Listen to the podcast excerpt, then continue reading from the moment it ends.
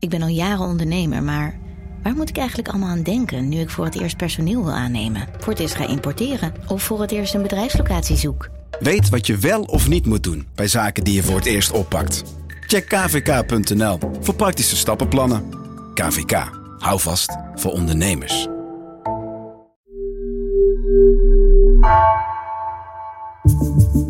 Vanaf de redactie van NRC het verhaal van vandaag. Mijn naam is Egbert Kalsen.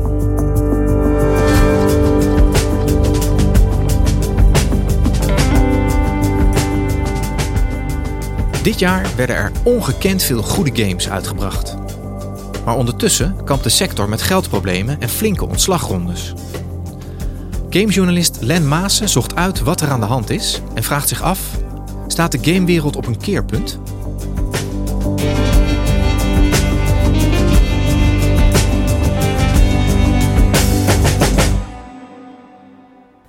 2023 is een ontzettend goed gamejaar geweest. Of het nou gaat over games op PlayStation, Nintendo Switch of de Xbox of zelfs gewoon op PC. Eigenlijk had elke gamer wel een fantastisch spel om te spelen. je had uh, natuurlijk The Legend of Zelda Tears of the Kingdom voor de Nintendo fans. I know why I am here. It's something only I can do. Uh, je had de rare arthouse game Alan Wake 2 voor zij onder ons die van rare dingen houden. How do you run from an idea? From a story that lives in your head? En op PlayStation had je natuurlijk Marvel Spider-Man 2, een fantastische superhelden game. This is my power. My responsibility. I am Spider-Man. Games zijn in 20 jaar eigenlijk nog nooit zo goed beoordeeld door de critici.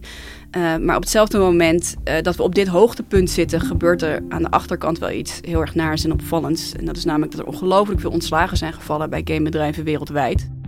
Via de website videogamelayoffs.com wordt bijgehouden hoeveel mensen ontslagen worden. De teller staat inmiddels op zo'n 9000 man. Uh, ja, de game-industrie werken wel een paar honderdduizend mensen, maar toch, het is voor de industrie best wel een klap. Het roept de vraag op of we met deze enorme groei en de toename van de kwaliteit van de games in de game-industrie niet tegelijkertijd op de rand van de afgrond terecht zijn gekomen. Ja, Len, jij bent zelf uh, een, uh, een beoordelaar van games, een gamecriticus. Kan jij eens vertellen, waar worden die games op beoordeeld? Nou, vroeger ging dat best wel puntsgewijs. Dan had je vaak een lijstje van oké, hoe ziet het er grafisch uit? Uh, speelt dit lekker? draait het goed op, op deze machine? En dat soort zaken. Uh, tegenwoordig kijken we soms wat holistischer als gamecritici. Wat is de algehele ervaring van dit spel? Uh, wat probeert de game te doen met de gameplay die erin zit? En voel ik dat ook echt overkomen? Uh, anderzijds wordt er door sommige gamecritici juist weer heel erg gekeken naar de, de, technische details. Die zijn alleen maar mooier en gedetailleerder geworden. denk bijvoorbeeld aan hoe realistisch is het licht dat op een gebouw valt. Maar ook rollen de golven in deze zee heel erg goed. Weet je, hoe, hoe prachtig is deze game en hoe technisch uh, is dat in elkaar uh, gedraaid. Um, ja, gameontwerp is sowieso een beetje een, een, een, een, ja, bijna artistiek, bijna kladderig uh, fenomeen. Uh, uh, waarbij heel erg specifiek moet worden getest hoe, hoe dingen aanvoelen. Bijvoorbeeld als je uh, in een schietgame zit en je hebt een shotgun, dan moet een gameontwikkelaar echt gaan zoeken naar oké, wat is het juiste geluid en het juiste gevoel van dat geweer om de speler het idee mee te geven dat ze iets heel krachtigs in handen hebben. Op allerlei dat soort punten kan het fout lopen bij gameontwerp. Het kan ook heel goed gaan. En als gamecriticus moet je een beetje leren om dat aan te voelen en dat te beschrijven naar de spelers toe. Dit jaar waren er dus heel veel games waarbij op al dit soort gebieden, al dit soort ja, feeling dingen en de details en alles, was het gewoon spectaculair goed. Maar wat echt opviel dit jaar in de beste games van het jaar was de keuzevrijheid. Wat bedoel je dan met keuzevrijheid? Wat houdt dat in? Keuzevrijheid is eigenlijk een heel breed begrip. Het komt er in feite op neer, je moet de speler het gevoel geven dat ze complete autonomie hebben om te doen wat ze willen. En dat kun je op verschillende manieren insteken. Je kan tegen mensen zeggen, hey, hier heb je een heel mooi groot gebied en je kan rondlopen waar je naartoe wil. Eh, zoek het zelf maar uit en dan stiekem aan de achterkant een beetje sturen. Eh, je kan er ook voor kiezen eh, om bijvoorbeeld bij heel veel keuzes fysiek bij een speler neer te leggen. hey, je kan hier naartoe, je hebt hier een deur, wat wil je met die deur doen? Wil je hem een beetje losmorrelen? Wil je hem kapot schoppen? Wil je gaan praten tegen die deur en hopen dat er iemand achter zit? dit zijn de keuzes die je hebt, wat wil je doen? En heb je dan ook een voorbeeld van een game waarbij dat dit jaar echt goed gelukt is? Uh, afgelopen week waren er de Game Awards. Uh, ja, het lijkt een beetje op de Oscars, maar dan net anders. Good evening everyone and welcome to the Game Awards. Uh, en er was één grote winnaar die er met de grootste gedeelte van de prijzen vandaan liep. And the game of the year is Baldur's Gate 3. Baldur's Gate 3 is een spel wat gebaseerd is op Dungeons and Dragons. Dat is een, ja, een spel wat je normaal om de keukentafel speelt. Uh, waarbij uh, je een spelleider hebt die de rest van de spelers begeleidt in een scenario waarin zij allemaal hun eigen uh, personage besturen en daarover zelf mogen zeggen wat hij gaat doen. In het geval van de game bestuur je een team van avonturiers die wakker worden met een soort parasiet in hun hoofd en die gaan op zoek naar een medicijn om dat mee op te lossen.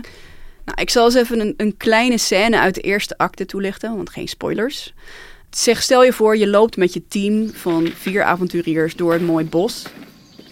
En daar zie je een eekhoorntje. Het heeft een naam, Timber. En je kan erop klikken. En dan begint die eekhoorn een beetje te, te praten. En je ziet hoe de personages naar de eekhoorn toe lopen.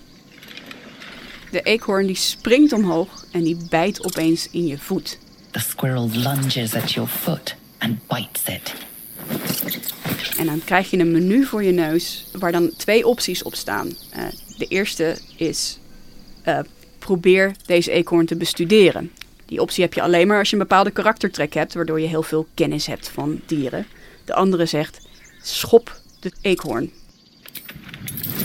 Je schopt de eekhoorn en die vliegt tegen een boom aan en valt neer in een plasje bloed. En een vampier die je bij je hebt zucht: Waarom doe je dat nou? What did you do? Dat is zo'n verkwisting van bloed. Oh, it's everywhere. You ruined a perfectly good snack. You claim victory over the squirrel, though you're not sure why you were fighting to begin with. En, en de keuzes die je maakt, in het geval van zo'n eekhoorn, die hebben dan invloed ook op, op de rest van het spel? Nou, de keuze rond de eekhoorn zal waarschijnlijk weinig impact hebben op de rest van het verhaal. Maar op dezelfde manier kom je later ook andere grote belangrijke keuzes tegen. Die bijvoorbeeld iets kunnen zeggen over de manier waarop het verhaal van de vampier. Of het verhaal van het spel in het algemeen. En hoe je bijvoorbeeld het medicijn voor die parasiet gaat vinden. Dus je hebt zelf heel veel ruimte zeg maar, om, het, om het verhaal van de game in te vullen, hè, als ik jou goed begrijp. Ja, precies. Iedereen die Baldur's Gate speelt, kan een beetje zijn eigen verhaalervaring uithalen op basis wat hij of zij zelf belangrijk vindt. En is dat ook de reden dat, dat jij en andere critici zo, zo lyrisch zijn over dit spel? Ja, zeker. Want het is heel erg moeilijk om dit op deze manier en op deze schaal te doen. Het is heel erg arbeidsintensief. Ze hebben er zes jaar aan gewerkt met, met zo'n 2000 man. Uh, en uh, ja, om, om, om alleen maar al uit te denken wat alle gamers zouden willen doen op een bepaald moment, wat voor opties ze zouden willen hebben, dat kost veel werk. En om daarna ook nog eens neer te zetten hoe dat eruit moet gaan zien en wat voor consequenties het verderop in het spel moet hebben, dat is, het is gewoon heel erg arbeidsintensief. En, en kan jij aanwijzen wat, wat er dan achter zit? Ik bedoel, waarom is 2023 zo'n goed jaar geweest voor dit soort games?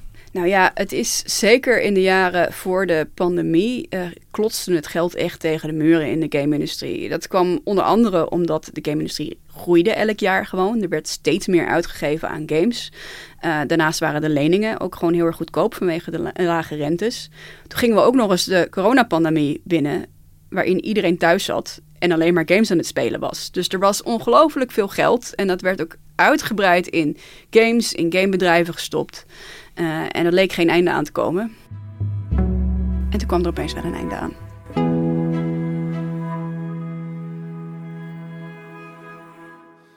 Ja, want wat is er nou precies aan de hand in de game-industrie? Je ziet eigenlijk dat de positieve wind die de game-industrie de afgelopen jaren zo omhoog stuwde, nu helemaal is gedraaid. Uh, mensen zijn minder gaan spelen, uh, de rentes zijn omhoog, dus geld lenen is duurder geworden. Uh, en ondertussen hebben veel gamebedrijven voornamelijk al die, dat extra geld gebruikt om investeringen te doen en niet om zichzelf voor te bereiden op deze winter waar we nu in feite in terecht zijn gekomen. En dat zie je dus ook terug in hoeveel er in de kosten geschrapt worden. Daarbij is het heel gemakkelijk om, om snel te schrappen door, door mensen te ontslaan. In vrij korte tijd eigenlijk. En dat is behoorlijk zorgwekkend. En waarom is dat zo zorgwekkend?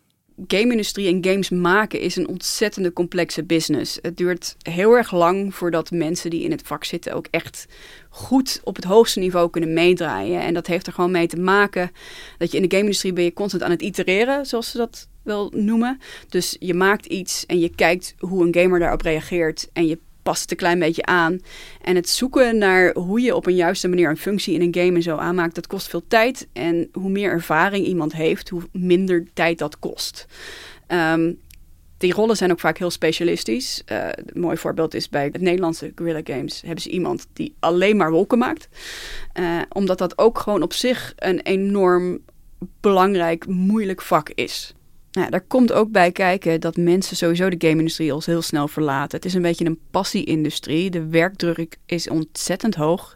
De lonen zijn niet zo hoog. Mensen maken soms wel dagen van 12 tot 16 uur. Dat was zeker vroeger heel normaal. Daar komt nu iets meer weerstand tegen.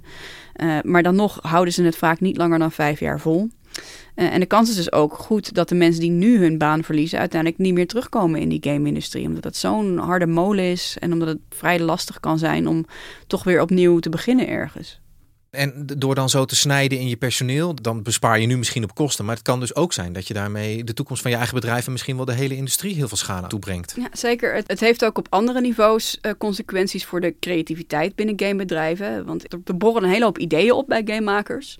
Maar een idee heb je niet zo heel erg snel uitgebouwd naar een commercieel succesvolle game. Dus die moeten een tijd borrelen. Gamemakers moeten erover praten, over nadenken achter de schermen. Uh, en als je vervolgens een hoop van die gamemakers ontslaat, dan heeft dat natuurlijk een consequentie voor de diversiteit aan ideeën die er in games kunnen worden veranderd. En dat is ook iets waar ik over sprak met Joost van Dreunen. Hij is een professor gespecialiseerd in de zakelijke kant van de game-industrie aan de New York Stern School of Business. Dat idee blijft bij zo'n uitgever, die dat dan vervolgens ergens in de vriezer gooit. Uh, en dat zien we dan ook nooit meer. Weet je wel? Dus die kijkt puur en alleen naar de één of twee of de paar dingen die uh, dus wel geld verdienen. En al die andere kleinere projecten die misschien veel interessanter zijn. Daar hoor je dus nooit meer wat van. Maar die kunnen dus ook niet weer worden opgepikt en uitgebouwd door de, door de mensen zelf. En het kan ook zijn dat de game-industrie hierdoor een stap terug in de tijd zet. De game-industrie heeft, heeft uh, historisch gezien uh, een, een opmaak die heel erg homogeen is. Het zijn voornamelijk mannen tussen de 18 en 34 die dus games maken en games spelen. En de laatste 10, 15 jaar is dat eindelijk een beetje aan het veranderen. Je ziet dan een toetreding van een grotere diversiteit van mensen. Op het moment dat er dan uh, ja, zo'n zo'n verschuiving is, als het dan niet goed gaat met de industrie, zijn nou juist dat soort uh, mensen eigenlijk de meest kwetsbare personeelsleden, die zijn dan ook het eerste weg. En die zeggen, ja, bekijk het maar, ik ga wat anders doen. En dat is eigenlijk een gemis. En dat, en dat is nou juist waarom dat op lange termijn zo, uh, dat zo irritant is voor. Dus ja, je ziet dat dit op heel veel verschillende manieren zorgelijk zal zijn voor de toekomst. En zijn er nou in die sector veel bedrijven die zich uh, inmiddels achter de oren krabben en, en denken van hoe moet het eigenlijk verder met ons? Ja, je ziet best wel dat game studio's zich daar zorgen over maken. En dat is ook terecht, want veel van de uitgevers die veel gamebedrijven hebben opgekocht de afgelopen tijd zijn nu ook aan het snijden. Dat zie je onder andere bij Embracer, dat is een grote Europese uitgever die veel Europese bedrijven heeft aangekocht. Uh, die is nu heel erg aan het schrappen in de personeelsbestanden van uh, de verschillende studio's die hij heeft. En sluit zelfs sommige historische studio's. Um, zoals Volition, een gamebedrijf dat al sinds de jaren negentig spellen maakt. En de afgelopen jaren bekend was met een soort van Grand Theft Auto-achtige gameserie, Saints Row. Um, ja, daar zit heel veel ervaring, zit heel veel geschiedenis en die is er nu niet meer. En Len, uh, met deze trends in het achterhoofd en de, en de gamewinter uh, voor ons, wat, wat, verwacht jij nou wat voor impact zeg maar, dat gaat hebben voor de ontwikkeling van games de komende jaren? Dat is altijd lastig te zeggen, want de game-industrie sukkelt eigenlijk al jaren een beetje voor. Dit, dit, deze trends speelden al een klein beetje op de achtergrond. Uh, wel is er een goede kans dat we zullen zien dat games misschien vaker uitgesteld worden of dat er juist um, minder ervaren werk ingestoken wordt en dat ze daardoor minder goed zijn. Uh, daar is zeker een, uh, een groot risico op. Um, Ja, en, en de durf, de goede kans dat de durf ook een beetje gaat verdwijnen. En dat we gekke experimenten en gekke uitspattingen zoals we de afgelopen jaren hebben gezien, misschien niet zo snel meer zullen zien. Uh, dat een game als Baldur's Gate 3 bijvoorbeeld het zo goed doet, dat was ook niet te verwachten van tevoren. Dus je kan makkelijk zien dat een risicomijdend bedrijf misschien ervoor zou kiezen om die game niet te maken. Ja, dus dan krijg je een beetje wat je in de filmindustrie ook al hebt gezien. Alleen nog maar vervolg op superheldenfilms, om het even zo te vertalen, maar dan de game variant daarvan. Ja, precies. Wat je, wat je ziet is bedrijven als Electronic Arts maken sportspellen, zoals FIFA, wat vroeger FIFA heette. Uh, die zullen gewoon door blijven gaan met het maken van de FIFA's van de wereld. Want dat zijn een soort geldprintmachines en je hoeft er elk jaar maar een klein beetje aan te veranderen. Uh, maar ja, games als Alan Wake 2, wat dus heel erg experimenteel en absurdistisch is bijvoorbeeld. Nou ja, dat was, het was al een hele klus voor de, uh, de makers om daar geld voor uh, te krijgen van uitgevers. Maar dat, of dat ze dat de komende jaren zullen lukken, dat is ook maar even een tweede. Ja, hey, en, en uh, hoe kijken gamers daar tegenaan? Ik bedoel, je kan ook zeggen van we, hebben, we zijn nu verwend hè, in 2023 helemaal, maar de afgelopen jaren fantastische spellen gehad. Je kan ook zeggen de sector heeft het even moeilijk. We zullen het even met wat, wat, wat minder goede games moeten doen de komende jaren. Ja, gamers blijven een hele brede groep. Dus wat ze verwachten en willen uit games is ook anders. En je ziet daarin ook dat de reacties heel erg verschillen. Je hebt mensen die zoiets hebben van ja, de game-industrie heeft al tien jaar lang geen games gemaakt die ik leuk vind. Dus waar heb je het over? Uh, tot aan uh, mensen die zich echt heel erg zorgen maken over de omstandigheden. En die juist meer experimenteel creatief werk willen zien. Uh, waarvoor mensen niet worden uitgebuit. Uh, en je ziet dus ook een, een veel voorkomende meme, oftewel een soort grap terugkomen van uh, ik wil games die er slechter uitzien en die korter zijn en daar maak ik geen grap over. En wat, uh, wat ze daarmee bedoelen is eigenlijk, ja, ik wil dat mensen niet meer zo uitgebuit worden en niet meer zo hard hoeven werken, dan maar ietsje minder die games, zolang de game-industrie zoals die is maar kan voortbestaan. Dankjewel, Len. Graag gedaan.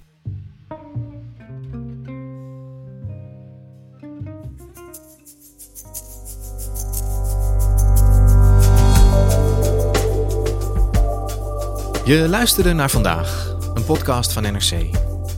Eén verhaal, elke dag. Deze aflevering werd gemaakt door Mila Marie Bleeksma en Stef Visjager. Coördinatie Henk Ruigrok van de Werven. Dit was vandaag, morgen weer.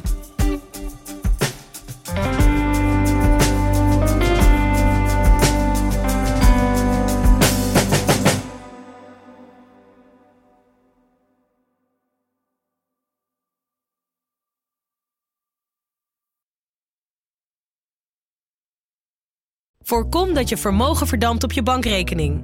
Beleg bij Bridgefund in kortlopende leningen aan Nederlandse MKB'ers. Inleg vanaf 100.000 euro en rendement tot wel 5,25% per jaar. Bridgefund. Make money smile. Let op, u belegt buiten AFM-toezicht. Geen prospectusplicht voor deze activiteit.